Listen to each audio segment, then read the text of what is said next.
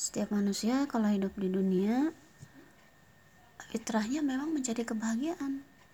Pasti terus mencari kebahagiaan. Nggak ada manusia yang nggak pengen bahagia. Cuman kadang mereka lupa bahagia itu yang seperti apa sih?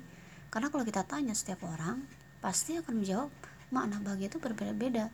Ada yang dibahagiakan dengan hartanya dengan popularitas dengan kecantikannya dengan ya banyak hal yang setiap orang pasti di dunia ini akan sangat berbeda dan bervariasi kita lupa bahwa yang namanya kebahagiaan itu sungguhnya yang datang dari Allah Subhanahu wa taala.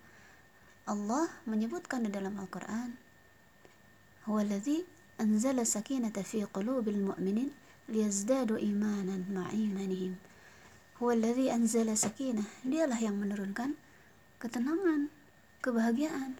Jadi sumber ketenangan itu hanya datang dari Allah Subhanahu wa taala. Gimana caranya? Allah itu menurunkan ketenangan hanya kepada huwallazi anzala sakinata fi qulubil mu'minin kepada orang-orang dan orang-orang mukmin itu dia adalah orang-orang yang taat kepada Allah. Jadi bahagia itu akan cocok bertemu dengan yang namanya ketaatan. Kalau manusia taat, maka di situlah pintu kebahagiaannya akan terbuka